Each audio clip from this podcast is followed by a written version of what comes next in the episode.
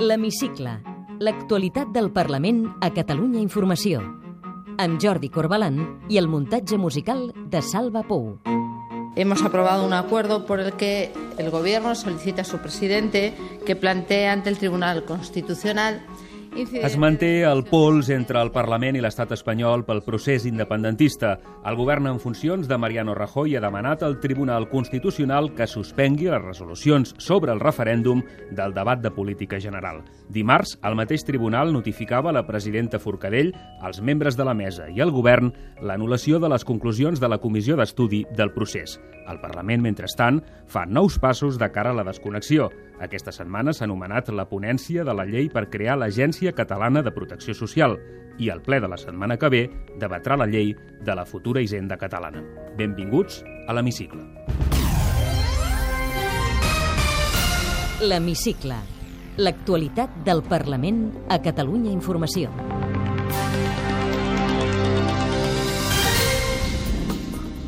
La presidenta Forcadell i els membres de la mesa reben en mà la resolució del TC que anula les conclusions de la comissió del procés. Junts pel Sí i l'oposició discrepen. Ens semblaria demencial que es pogués inhabilitar ningú per permetre el debat parlamentari. Cuando se producen hechos como los que estamos viviendo cada día los diputados de este Parlamento, no hay otra respuesta que la que se está produciendo. Inspecció de Treball ha detectat aquest any 7.800 infraccions. Les tres darreres reformes laborals han portat una certa percepció de que eh, s'havien suprimit certes barreres al camp de les relacions laborals. Manuel Conte, expresident de la Comissió del Mercat de Valors, compareix a la Comissió per la Regeneració Democràtica amb afirmacions polèmiques. El que aquí en Cataluña se sigan poniendo multas por no rotular en catalán en empresas, en tiendas, me parece una salvajada. La veu de la plataforma Stop Mare Mortum se sent a la Comissió d'Acció Exterior i Cooperació. Vostè diu que les fronteres no es poden obrir. Nosaltres creiem que les fronteres... L'única frontera segura és la que no existeix. Avui entrarem al despatx d'audiències del Parlament. Aquest espai era el despatx del president Companys, president del Parlament de la Segona República. I contestarà en una frase el qüestionari de l'hemicicle Soc José María Espejo Saavedra, vicepresident segon del Parlament i diputat de Ciutadans.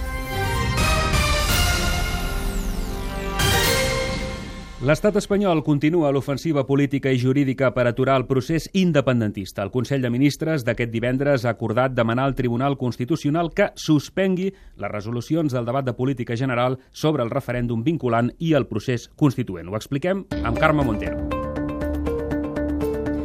El govern en funcions de Mariano Rajoy decideix presentar aquest nou incident d'execució de la sentència que va anul·lar la resolució del 9-N.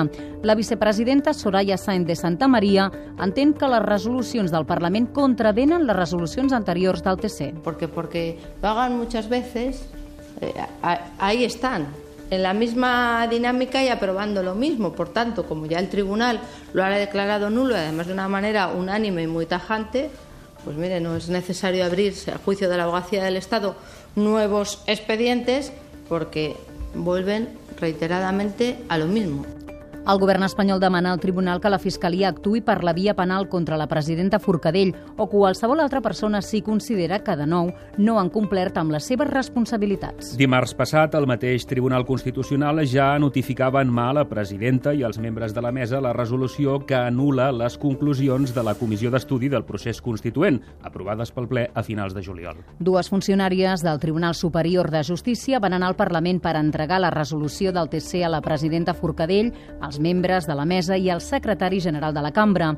Als passadissos del Parlament, el diputat de Junts pel Sí, Roger Torrent, ho valorava d'aquesta manera. No entendríem que s'inhabilités, ens semblaria demencial que es pogués inhabilitar ningú per permetre el debat parlamentari. Des de l'oposició, el diputat de Ciutadans, Fernando de Páramo, ho veu diferent. Cuando se producen hechos como los que estamos viviendo cada día los diputados de este Parlamento, no hay otra respuesta que la que se está produciendo. El Parlament, mentrestant, continua fent passos de cara a la desconnexió. Aquest dijous es va anomenar la ponència sobre la llei per crear l'Agència Catalana de Protecció Social. Aquest ha de ser l'organisme encarregat de desplegar el sistema de protecció social català i assumirà la gestió centralitzada de les prestacions socials. La Comissió de Treball del Parlament nomenava dijous els membres de la ponència, que integraran diputats de Junts pel Sí, el PSC, Catalunya Sí que es pot i la CUP. La proposició de llei continuarà així el tràmit tràmit parlamentari, després que el juliol passat va superar el debat de les esmenes a la totalitat i del text alternatiu presentat per Catalunya Sí que es pot i el PSC. Aquests dos grups van discrepar amb Junts pel Sí i la CUP sobre el ritme de treballs de la ponència. Sentim el diputat de Sí que es pot, Joan Coscubiela, i Mireia Bahí, de la CUP. Una llei d'aquesta naturalesa, que és una de les tres columnes bàsiques amb el que per alguns es va sustentar el país i d'aquesta complexitat mereix que sigui quin sigui el seu resultat el fem de manera el més acurada possible. L'Agència Catalana de Protecció Social és una estructura de gestió autonòmica i eh, es, en, des dels grups proposants no es proposen compareixences perquè entenem que és una estructura de gestió i a on eh, sí que entenem que s'ha de generar un debat en profunditat és a la llei de seguretat social. Aquesta sí que serà una llei que desbordarà el marc autonòmic. Tot i les desavinences, es va aprovar que en els treballs de la ponència hi hagi 19 compareixences de representants dels sindicats, patronals, representants d'entitats socials i del tercer sector i del món acadèmic. Ciutadans i el Partit Popular no van participar en el debat ni en la votació. I el ple de la setmana que ve, que començarà dimarts, debatrà i votarà una altra de les tres lleis de desconnexió, la de la Hisenda catalana. Es tracta de la proposició de llei sobre el Codi Tributari de Catalunya i l'aprovació dels llibres primer, segon i tercer relatius a l'administració tributària de la Generalitat.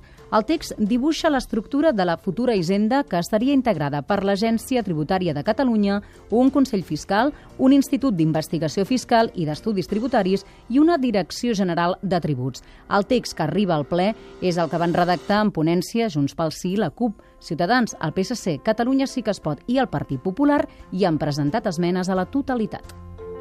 L'Hemicicle. L'actualitat del Parlament a Catalunya Informació. El ple de la setmana que ve serà, de fet, el primer ordinari de la legislatura després de la qüestió de confiança i del debat de política general. Serà un ple dens de tres dies que farà els debats de totalitat dels projectes de llei de l'Agència de Ciberseguretat de Catalunya i el d'Arquitectura. També es debatrà una proposició de llei sobre la reparació jurídica de les víctimes del franquisme i el projecte de llei de modificacions urgents en matèria tributària. Dimecres al matí es reprendran les sessions de control amb les preguntes als consellers i al president Puigdemont Puigdemont. Un ple que també debatrà el pressupost del Parlament pel 2017, que si rep llum verda, el govern haurà d'incorporar els comptes de la Generalitat. El projecte de pressupost del Parlament puja a 53 milions i mig d'euros. Gairebé mig milió més respecte als comptes del 2016 que no van prosperar. L'increment respon especialment al manteniment de maquinària i la compra de material informàtic per al personal del Parlament, no per als diputats. Això es traduirà en un augment dels capítols d'inversions reals i de despeses corrents de béns i serveis serveis. I una iniciativa del govern que haurà d'esperar encara per ser debatuda en el ple és la nova llei de mesures de protecció del dret a l'habitatge de les persones que es troben en situació de risc d'exclusió residencial. Junts pel Sí volia que s'aprovés en lectura única la setmana que ve, però l'oposició va frenar-ho a la reunió de la mesa. Sentim la consellera d'Habitatge, Meritxell Borràs, i el diputat de Catalunya Sí que es pot, Joan Coscubiela. El no de Catalunya Sí que es pot que això sigui una tramitació per lectura única ens porta a un enterrariment a l'aprovació de la llei. Nosaltres estem a favor de la tramitació urgent, però ara també de que la tramitació permeti la millora del projecte de llei. La nova llei d'emergència habitacional refà els articles suspesos pel Tribunal Constitucional per lluitar contra els desnonaments. L'Hemicicle. L'actualitat del Parlament a Catalunya Informació. Després de dues setmanes molt intenses amb la qüestió de confiança i el debat de política general, l'activitat del Parlament d'aquesta setmana s'ha centrat en les comissions. Dijous, a la Comissió de Treball, es donaven dades de la Inspecció de Treball. Gairebé 5.500 contractes temporals que eren fraudulents s'han convertit en indefinits entre els mesos de gener i setembre d'aquest any, un 90% més que en el mateix període de l'any passat gràcies a l'actuació d'Inspecció de Treball de Catalunya. Fins al setembre, Inspecció de Treball ha detectat 7.800 infraccions, un 4,4% més que l'any passat. Les dades les va explicar el secretari del Departament de Treball, Josep Ginesta. Observem grans bosses de treballadors que eh, l'única, primer, que no poden acabar decidint quin tipus de treball tenen, però sobretot que es veuen afectats perquè s'estira com un xiclet fins a límits insospitats el marc, diria, de drets eh, que, que estableix la reforma laboral. La inspecció se centra en els sectors on es detecten més irregularitats i denúncies, com ara la telefonia, l'hostaleria o les càrnies. I dimarts compareixien davant la Comissió d'Estudi de les Mesures de Lluita contra la Corrupció l'exdirector de la Comissió del Mercat de Valors, Manuel Conte, i el síndic major de la Sindicatura de Comptes, Jaume Amat. Manuel Conte va presidir l'organisme regulador dels mercats entre els anys 2004 i 2007, en època del govern Zapatero. Conte va defensar la necessitat de potenciar la figura del denunciant anònim per prevenir o fer aflorar casos de corrupció. En el terreny regulatori, l'expresident de la Comissió Nacional del Mercat de Valors va fer aquesta afirmació polèmica. El que aquí en Cataluña, si no estoy mal informado, se sigan poniendo multas por no rotular en catalán en empresas, en tiendas, me parece una salvajada eh, inconcebible, porque yo, si me van a poner una multa por no bueno, rotular en catalán, supongo que tengo un incentivo a rotular en catalán, aunque, eh, aunque yo en eso a lo mejor soy muy liberal, yo rotularía en lo que me diera la gana. Al seu torn, el síndic major de la Sindicatura de Comptes, Jaume Amat, va admetre les limitacions temporals i de recursos que tenen organismes com la Sindicatura, que els obliguen a emetre els informes de fiscalització més tard del que seria desitjable. Precisament, el Parlament debatia dijous a la Comissió de Sindicatura de Comptes els informes sobre el compte general dels ajuntaments corresponents als anys 2013 i 2014. Pel que fa a l'últim any fiscalitzat, el 2014, 71 dels 804 ens locals que van lliurar el seu compte general a la sindicatura ho van fer de manera incompleta. La rendició de comptes va empitjorar respecte a l'any anterior en els casos dels Consells Comarcals, les mancomunitats de municipis i els ajuntaments. El síndic, Joan Ignasi Puigdollers, va lamentar que algunes de les recomanacions que contenen els seus informes no s'acabin de complir. M'ha semblat d'entendre que, que, que, que el que s'entén és que les repetim perquè no sabem fer-ne de noves. No, no, les repetim perquè les considerem greus i, es, i, i no es corregeixen. O sigui, jo no entenc que sigui, en tot cas, una, una falla nostra repetir-la, sinó del que no les posa solució. No? Jo penso que el Parlament tindria de dir moltes coses en aquest sentit. L'Hemicicle. L'actualitat del Parlament a Catalunya Informació. Aquesta setmana la plataforma Stop Mare Mortum ha fet sentir també la seva veu a la Comissió d'Acció Exterior i Cooperació. Toni Borrell, representant de la plataforma, va proposar crear un grup de treball amb polítics i representants de la societat civil per fer un seguiment de l'aplicació de les polítiques d'immigració i acollida dels refugiats. Borrell retreia al govern espanyol falta de voluntat política per complir els compromisos d'acollida de refugiats. A aquest ritme es tardarien 43 anys a complir amb el que es va acordar. 43 anys. I això, evidentment, té un responsable, que es diu l'estat espanyol, govern de l'estat espanyol. El diputat del Partit Popular, Fernando Sánchez, el va replicar amb una apel·lació a la resta de grups. Ara és molt fàcil viure contra el PP. I fem moltes coses malament. Les fem, intentem fer d'altres bé, però segur. Però és molt fàcil. Però vostès a Madrid també poden fer una incidència i ara el Partit Popular no té majoria absoluta. Llavors tots els grups aquí els hi diuen que molt bé, que fenomenal, que denunciaran l'acord amb Turquia que es mullin també al Congrés. La Comissió d'Exteriors va aprovar per unanimitat una proposta de resolució de Ciutadans que obligarà el govern a retre comptes davant el Parlament del seu pla estratègic d'acció exterior. El Parlament analitzava dilluns l'impacte de les desigualtats socials en l'àmbit de la salut mental dins el cicle de diàleg sobre la igualtat efectiva de dones i homes. Amb aquesta jornada, la cambra s'afegia als actes del Dia Mundial de la Salut Mental. L'OMS preveu que l'any 2020 la depressió serà la segona causa de discapacitat als països desenvolupats. La presidenta Carme Forcadell va obrir la jornada remarcant la necessitat que es parli de salut mental per trencar tabús i prejudicis. I esperem que nosaltres puguem contribuir amb aquest granet de sorra a conèixer més i a normalitzar el, la salut mental. La ponent de la jornada va ser la doctora Judit Usall, psiquiatra del Parc Sanitari Sant Joan de Déu i coordinadora del grup de treball i recerca en dona i salut mental. La doctora Usall va exposar els resultats de diversos estudis que corroboren que les dones estan més exposades que els homes a les malalties mentals i va apuntar els estereotips de gènere i la violència masclista com dues de les causes principals. El tema de la violència ha de ser un tema prioritari en l'abordatge de la salut mental de les dones, donada la important repercussió que hi té. El conseller de Salut, Antoni Comín, va expressar el compromís del govern d'incrementar els recursos en salut mental per desenvolupar un nou model més orientat a la prevenció i a la inserció social i laboral. I a l'hemicicle també us anem descobrint les dependències del Parlament. Avui entrem al despatx d'audiències de la presidenta de la cambra. Visita guiada. Ara ens trobem al despatx d'audiències del Parlament, és el despatx protocolari. Sergi Tarrés, auxiliar de visites del Parlament. Són dues portes grandioses i molt passants, perquè, de fet, és el despatx de rebre. És un despatx gens funcional, amb una taula de vidre sense telèfon, sense ordinador, sense cap mena d'estri, amb uns sillons que és on es desenvolupa pròpiament l'audiència seu en, aqu en aquests sofàs, pot ser un altre president, una associació del que sigui, un grup de veïns que hagin demanat una audiència amb, amb la presidenta, un cònsul...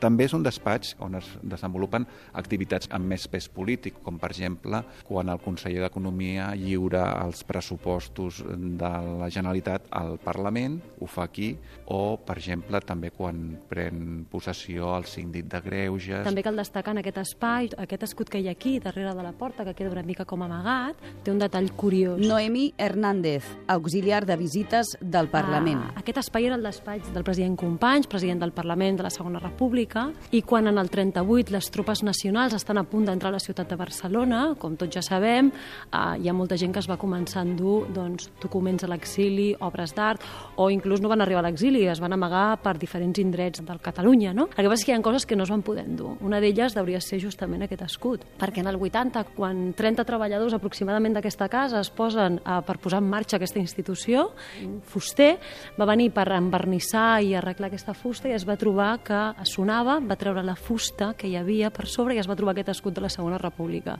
Queda com amagat pel lloc en el que està, és un escut daurat amb les quatre barres, és l'escut de la Generalitat de Catalunya. Llavors, aquest era el despatx de feina del propi president Companys i ara és el despatx protocolari.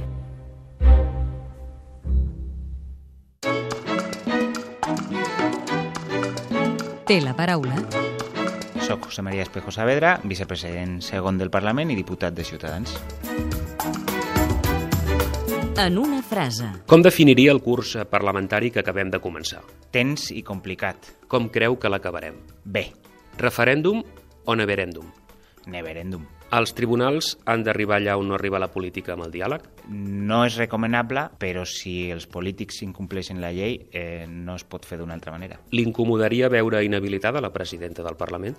No m'agradaria, però depèn d'ella. No és no o no comença a ser sí? Si es refereix a la investidura de Rajoy, no comença a ser sí. Descarta les terceres eleccions a Espanya? Sembla que sí. Quina llei li agradaria aprovar aquesta legislatura al Parlament? La de la gratuïtat dels llibres de text. De quina tasca se sent més orgullós eh, per haver-hi contribuït des que és diputat? De la llei d'accessibilitat, de la qual vaig ser un dels ponents. Què hi fa un madrileny de naixement a Catalunya? Viure, treballar i formar una família. Quantes llengües parla? A català, castellà i anglès.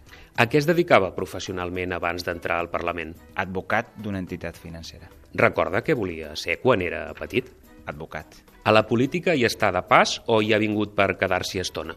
De pas. Les noves tecnologies ens fan més lliures? Crec que sí. I qui ens garanteja els drets a la xarxa? Com tots els drets, els ha de garantir eh, l'administració. Un referent polític? Tinc molts, però un, per exemple, és Felipe González. Abans d'afiliar-se a Ciutadans, havia militat en algun altre partit polític? No, mai. Està afiliat a algun sindicat, és membre d'alguna ONG, soci d'algun club esportiu? Sí, de comissions obreres. Li agrada el futbol? No especialment. Quins són els seus colors? Soc del Real Madrid. El racó que més li agrada de la ciutat on viu, Sant Cugat del Vallès? Doncs el monestir. Estaria disposat a acollir una família de refugiats a casa seva? Mm, depèn de les condicions. Digui'ns un parell de defectes seus. Que sóc desordenat i una mica despistat. Va, i ara un parell de qualitats. Mm, em costa més de dir-les, però penso que sóc una persona responsable i que té els objectius clars. Deixa propina? Sí. I almoina? Depèn. La seva última declaració de la renda li va sortir a pagar o a cobrar? A cobrar meu, o sigui, a devolver. Recorda més o menys quan ha pagat de llum l'últim rebut a casa? Sí, aproximadament uns 70 euros. Viu de lloguer o de propietat? Propietat, amb hipoteca. Té segona residència? No. Pla de pensions? Sí, però me'l fa la, la empresa, per si dir-ho. On s'escapa quan vol desconnectar del tot? A la muntanya. Fa esport amb certa freqüència? No tanta com seria recomanable, però amb freqüència. Carn o peix? Soc més de carn. Té traça cuinant? Mm, no molta. Qui planxa les seves camises? La meva sogra, he de dir-ho. Vostè es fa al llit o li fa algú?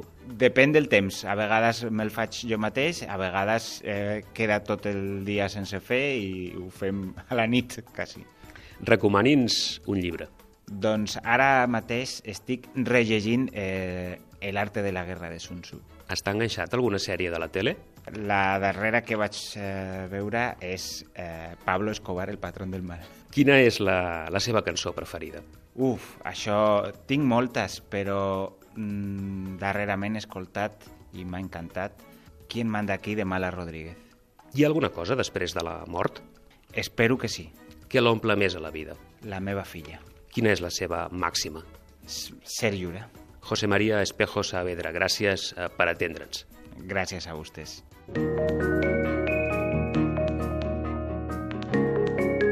Podeu tornar a sentir l'hemicicle al web catradio.cat barra hemicicle i seguir l'actualitat del Parlament al compte de Twitter arroba cati-política.